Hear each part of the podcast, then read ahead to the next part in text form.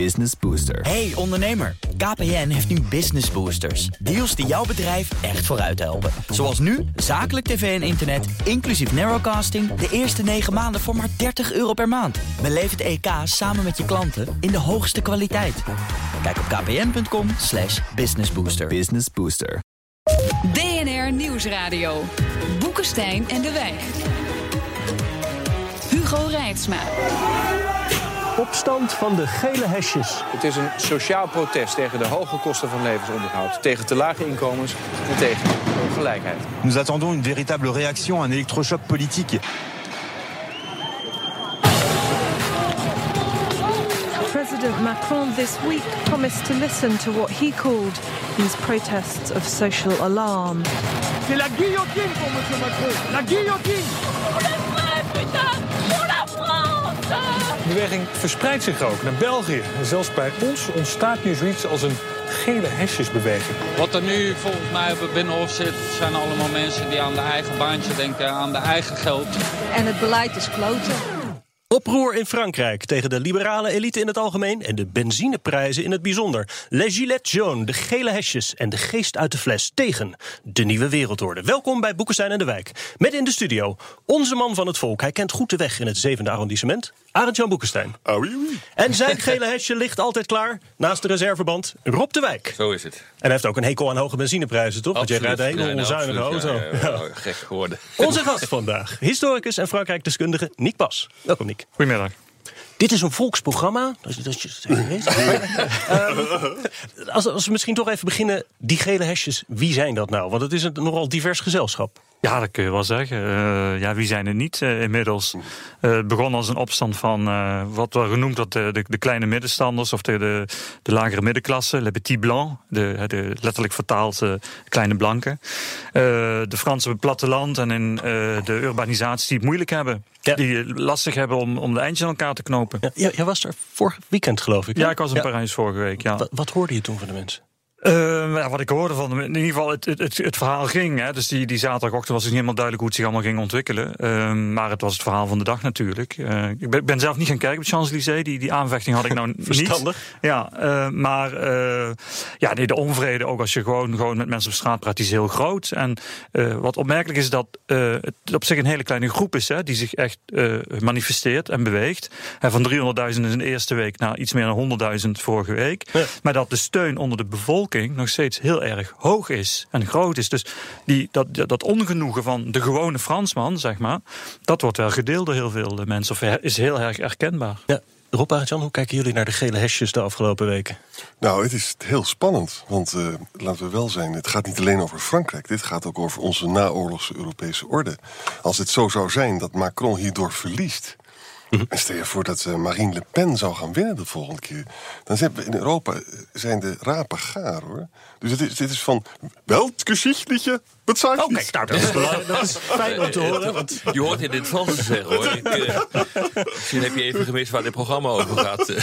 Giet over Merkel. Oh, nee. Rob, de, de Fransen die, die, die zijn wel bekend dat ze in de namiddag graag nog even de straat op gaan. Is dit veel meer dan dat? Ja, ik vind het wel. Nou, je weet, ik, ik heb, uh, vorig jaar heb ik zo'n boek geschreven over die nieuwe revolutionaire golf.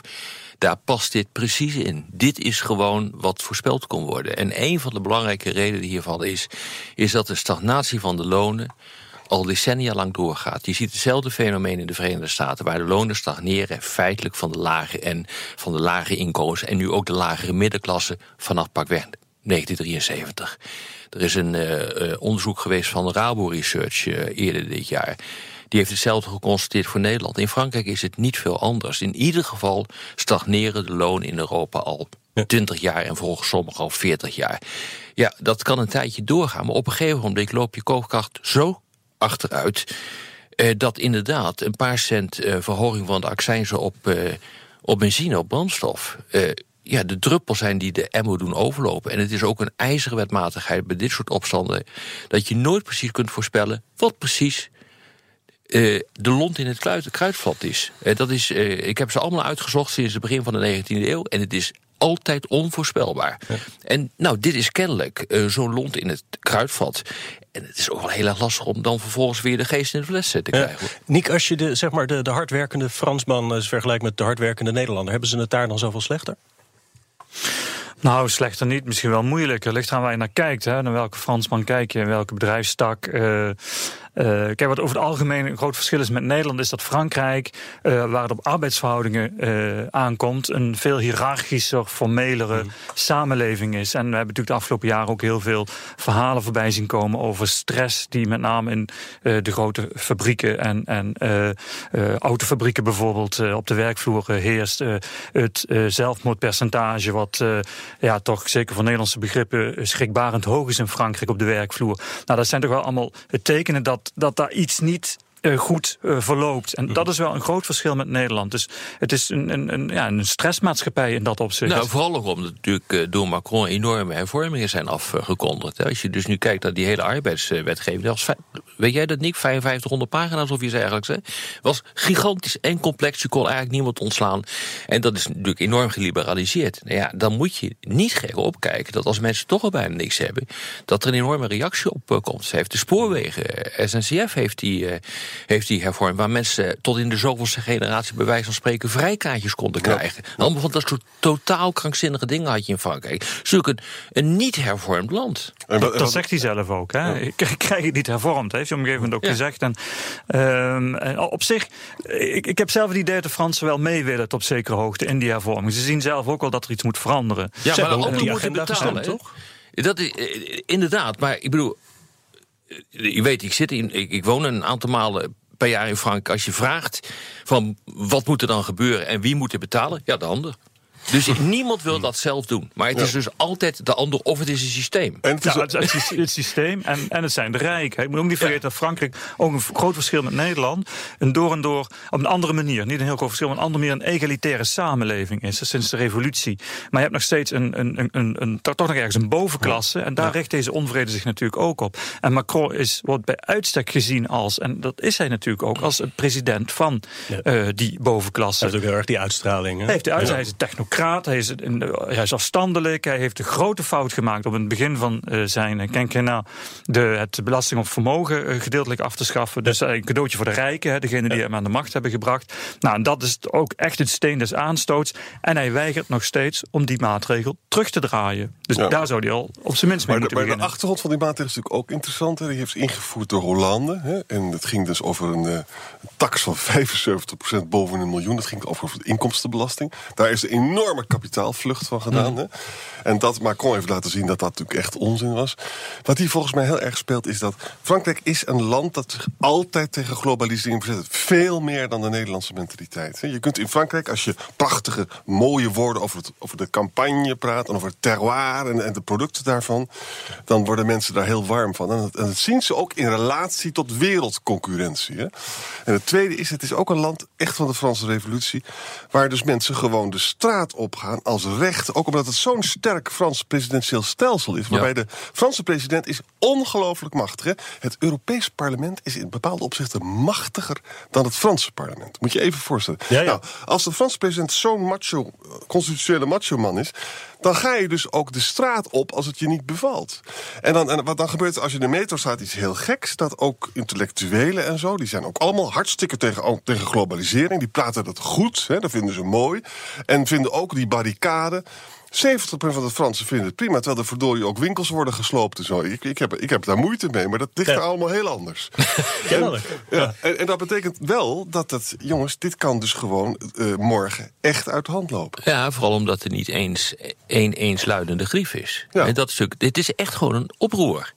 En ik denk dat dat wel even iets anders is dan een protest om ja. een bepaald iets. Omdat je uh, tegen tolwegen bent of, of, omdat je tegen een bepaald soort belasting bent. Dit is een algemene grief die geworteld is uh, bij, in, in, in het tot aan de lippen stijgen van de, van de problemen waarin mensen zitten.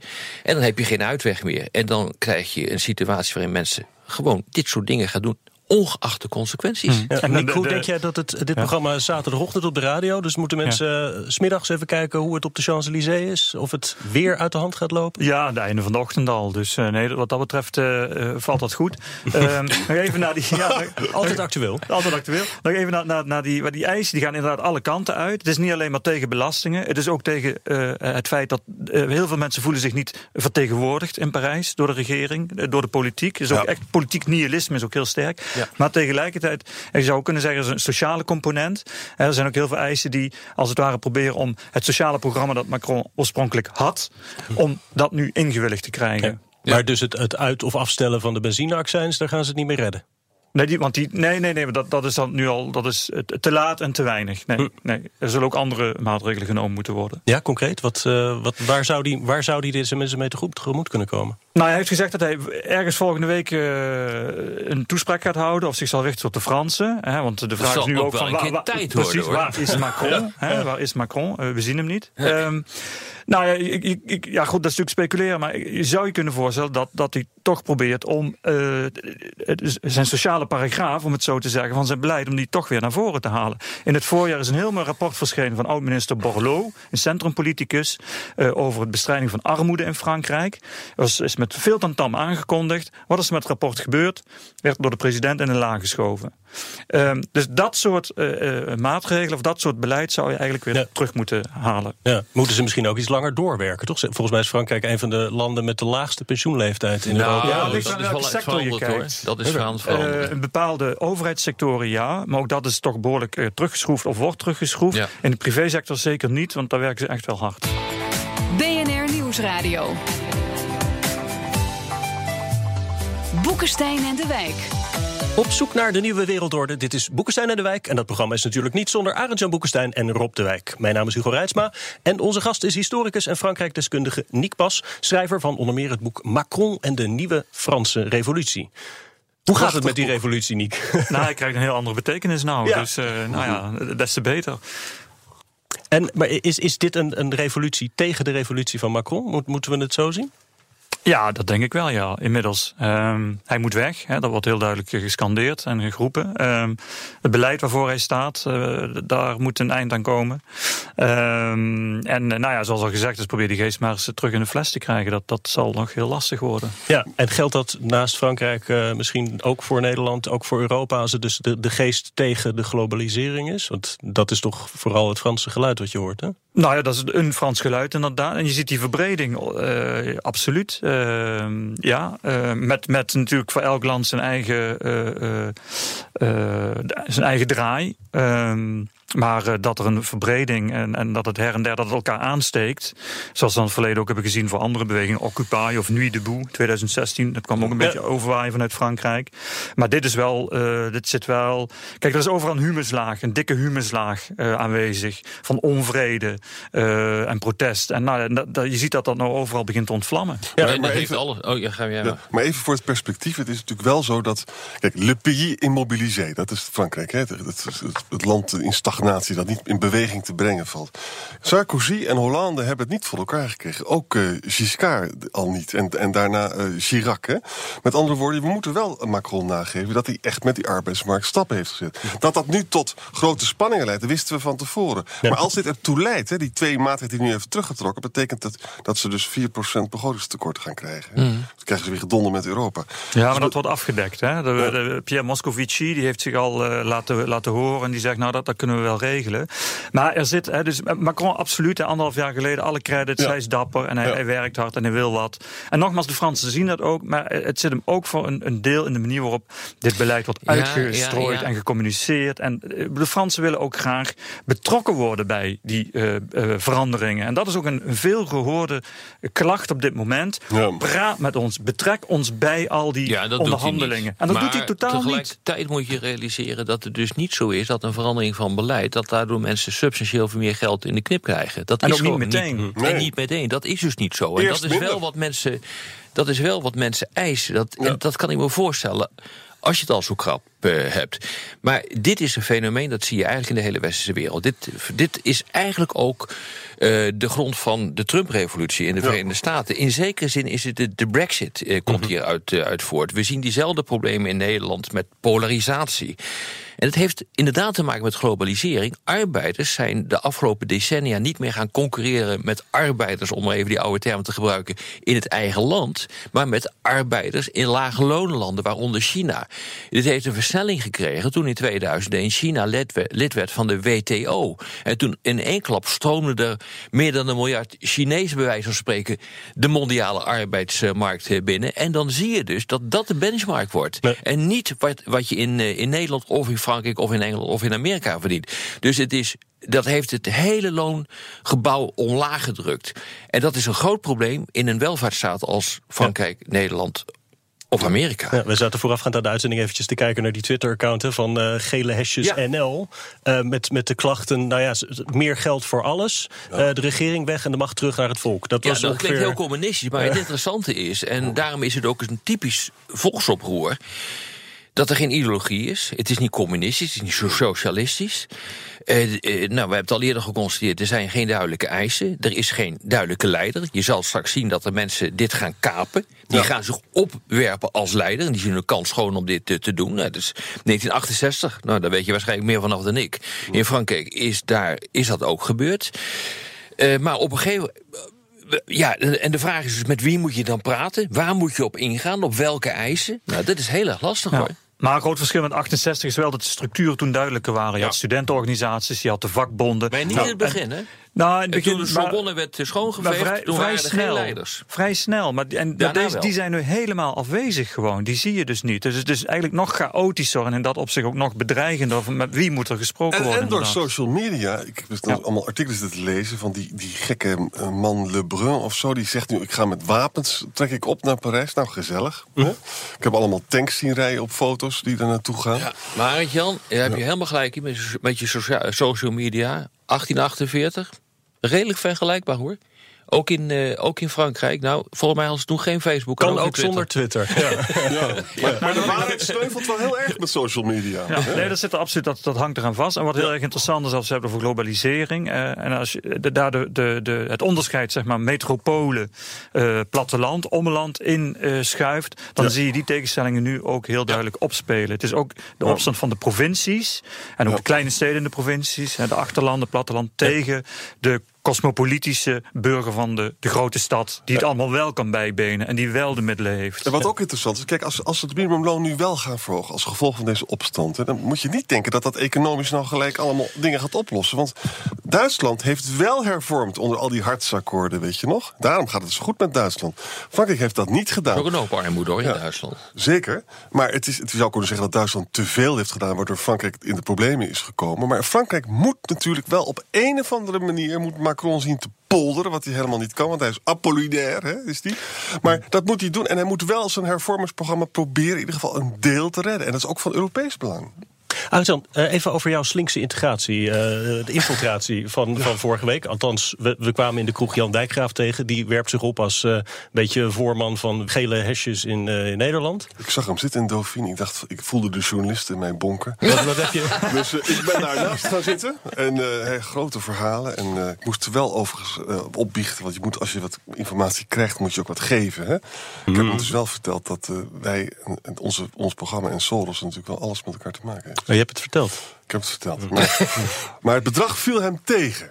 Ik, ik, vind, ja, zelf, ik vind zelf een miljoen toch nog steeds. Is het toch een miljoen? Hè? Maar leuk auto verkopen, ja, Maar Jan Dijkgraaf vond het dan niet zo... Ja, ik krijg veel meer. Ja. Toen zei ik van wie? Toen die van Mélenchon. Weet je nog, die man, die linkse man in uh, Parijs. Maar Dijkgraaf is toch rechts? Ja, maar hij, volgens mij ziet hij, ziet hij overal verdienmodellen. Ja, zo ja, ja, nee, het is een handige jongen. Hey, maar, maar is dat, dat gele hesjes-achtige uh, protest in Nederland... dat is toch volgens mij vooral uit, uit de rechterhoek? In, in Frankrijk komt het volgens mij uit alle ja. hoeken. Maar ja, ja je hebt natuurlijk in allerlei landen opportunisten... die nou hun vinger opsteken en die ook willen protesteren. Uh, maar maar ja. wat jij ook zei, van die humuslaag... die is gewoon aanwezig van die, van die onvrede. Ja. Dat maakt het... Natuurlijk is die hier, aanvrede, uh, en, uh, is hier aanwezig. En dat blijkt ook uit de polarisatie en de fragmentatie van het politieke landschap. Ja. Maar de grote vraag is wat je eraan kan doen. In mijn optiek is het dus niet zo dat je hele simpele oplossingen hiervoor hebt. Van even de accijns op de benzine verlagen of de lonen verhogen. Want als je de lonen gaat verhogen, ja weet je, dan gaan de prijzen ook stijgen. En dat slaat dan ook weer terecht mm -hmm. bij die diezelfde mensen. Dat heet inflatie volgens mij. Nee, kijk, als dit doorgaat, dan wijst de geschiedenis uit. En ik denk dat je hier nu wel historische parallellen kunt trekken. Dat je maar één ding kunt doen, helaas. Dat is neerslaan. Uh, dit, is, dit is wat er gebeurd is. Dat jouw advies, uh, Rob? Nee, maar dat, dat is, uh, niet mijn, dat is niet mijn advies. Ik geef je alleen aan wat er historisch gebeurt. Dit is redelijk vergelijkbaar met wat er is gebeurd in 2010, 11 met de Arabische opstanden. Arabische lente genoemd. Hm. Nou, dat hebben we gezien dat het wat voor lente dat is. Maar dat is, meestal is dat gewoon neergeslagen. En dat heeft te maken met het feit dat je gewoon met niemand kan praten. En dat de eisen groot zijn, dat het algemene volkswoede is. Dan krijg je dat soort, uh, dat soort dingen. Er werd niet voor niks gesproken over uh, het invoeren van de noodtoestand in uh, Frankrijk. Nou, die kans is vrij groot dat dat gebeurt. Ik weet niet, Nico, hoe jij daar tegenaan kijkt. Nou, niks goed zijn Nee, ja? dat denk ik niet. Omdat juist vorig jaar een nieuwe wet, antiterrorismewet, is aangenomen. waarin heel veel bepalingen uit de noodtoestand ja, zijn opgenomen. Ja. En dus het arsenaal is al enorm wat de Franse overheid tot uh, zijn beschikking heeft. Um, nog even de, de vergelijking met dus hoe, waar zou de oplossing kunnen liggen. De vergelijking met 68. Destijds werden de eisen ingewilligd door een, de akkoorden van Grenelle, waarbij zeg maar, de arbeidseisen ja. werden ingewilligd. Hè, dus meer loon, et cetera. Er wordt nu gesproken van bijvoorbeeld een Grenelle van milieu- en sociale maatregelen. Dus weer zo'n grote onderhandelingstafel waar verschillende partijen aanschuiven. Waarbij inderdaad maar de vraag is wie namens de gele hesjes ja. moet aanschuiven. Maar goed, en dat dat een van de mogelijke oplossingen zou kunnen zijn om uit deze crisis te komen. Ja, en kan Europa daar ook een rol in spelen? Zeker aangezien die humuslaag zich uh, buiten Frankrijk ook uh, begeeft? Nou, er is ook wel door de Europese Commissie regelmatig hiervoor aandacht uh, gevraagd. ja, de Europese Commissie, wat die kan doen en wat Europa kan doen. Maar daar heb je ook wel weer de lidstaten voor nodig. Dat hebben we al een keer eerder geprobeerd, 15, 20 jaar geleden bijna, met het Lissabon-proces. Probeer die economieën op te jagen. Probeer ze te innoveren. Gebruik daar Europese gelden voor. Uh, gebruik de gelden voor die bijvoorbeeld nu naar de landbouwsector gaan. Maar stop die in, uh, in de innovatie. Maar dan heb je toch juist vaak snel over nog verder liberaliseren. Dat is juist wat de mensen niet willen. Nee, het gaat om economische ontwikkeling. Het gaat om economische vernieuwing. Dat is echt absoluut noodzakelijk. Want ja. we hebben eerder gezegd van hier is een relatie met de opkomst van China, waar nu he, lage lonen landen. Maar dat geldt natuurlijk uh, feitelijk ook voor de hele discussie over de innovatie van je, van je economie. Die moet gelijke tred gaan houden met die enorme innovatie die op het ogenblik plaatsvindt in China. Dus je zult van moeten. Anders loop je nog veel, hand, uh, nog veel verder achter en wordt het allemaal nog veel erger. En overigens, er zijn ook wel parallellen met Nederland, zit ik te bedenken, nu ik erover nadenk. Ze praten ook over Marrakesh bijvoorbeeld hè, in Frankrijk. Hè. En allemaal gaan allemaal samenzweringstheorieën over. Nou, dat gebeurt in Nederland natuurlijk ook heel erg. Buma heeft zelf gezegd, door die, die nieuwe uh, milieumaatregelen die we gaan doen in het kabinet. Ik verwacht daar toch ook heel veel weerstand van Nederlandse burgers ja, tegen. Dat nou, gelijk in heeft. En hier hebben we dus met die dieselprijs, zien we dat dus gebeuren. We moeten dus ook niet denken dat de Fransen gek zijn en wij uh, altijd nee, nee. polderen. Nee. Het is een. Eigenlijk praten wij over de broosheid van de hedendaagse democratie. En dat kan zomaar misgaan. En tot slot nog één laatste opmerking dat niemand meer kan slapen. Kijk, morgen, morgen zijn er. Zo dus, eindigen wij ja, altijd trouwens. morgen, zijn er, morgen zijn er tanks. Er zijn, zijn mensen uit de provincie die zeggen dat ze wapens meenemen. Het, uh, Europa heeft gelijk. Het geweldsmonopolie hoort bij de staten liggen. Dat betekent dat je op een gegeven moment toch zult moeten optreden. Laat ik het deftig formuleren. Dat betekent dus, mensen vrezen nu ook voor doden. En dat is niet onterecht. Dus we hebben een dramatische uitzending. Nou, nou jongens. ik, had nog, ik had nog even één vraag. Misschien om, om iets positiever te eindigen. Macron heeft het volgens mij vaak ook over een Europa dat moet beschermen. Dat een soort buffer moet zijn tegen die exact. globalisering. Zou dat nog een oplossingsrichting kunnen zijn? Of gaan we anders uh, de apocalyptische kant van uh, Jan op? Nou, hij zal dat, die apocalypse zo lang mee, mogelijk proberen te, te vermijden natuurlijk. Uh, en nou ja, misschien dat er vanuit Europa een handreiking komt. Ja. Dus dat, dat daar de mogelijke oplossing ligt. En anders dan... Gaan we kapot. Nee, toch dat, maar dat was, een goeie, dat was echt een, een, een goede slogan hoor van uh, Macron. Europa en Europa dat beschermt. Ja. Ook tegen migranten. Want dat, speel, dat gaat hier ook nog een keer helemaal doorheen spelen. Dus klassiek hoor, nogmaals. Ja. Nou, we zijn uitgekomen bij het zwarte scenario. En dat betekent nou. aan het eind van dit programma. dit was weer Boekenstein in de Wijk. Namens Arend-Jan Boekenstein en Rob de Wijk zeg ik dank voor het luisteren. Speciale dank aan Niek Pas. Boekenstein in de Wijk is elke zaterdag om 11 uur op de radio. Maar wanneer u maar wil online via iTunes, Spotify of uw eigen podcast-app. Abonneert u zich op de podcast en daar kunt u ook reageren. En tot slot wil ik vermelden dat onze collega Jesse Pinster is genomineerd voor Europeaan van het jaar. Nou ja, zeg. Uh, BNR.nl, stem Jesse. Tot volgende week.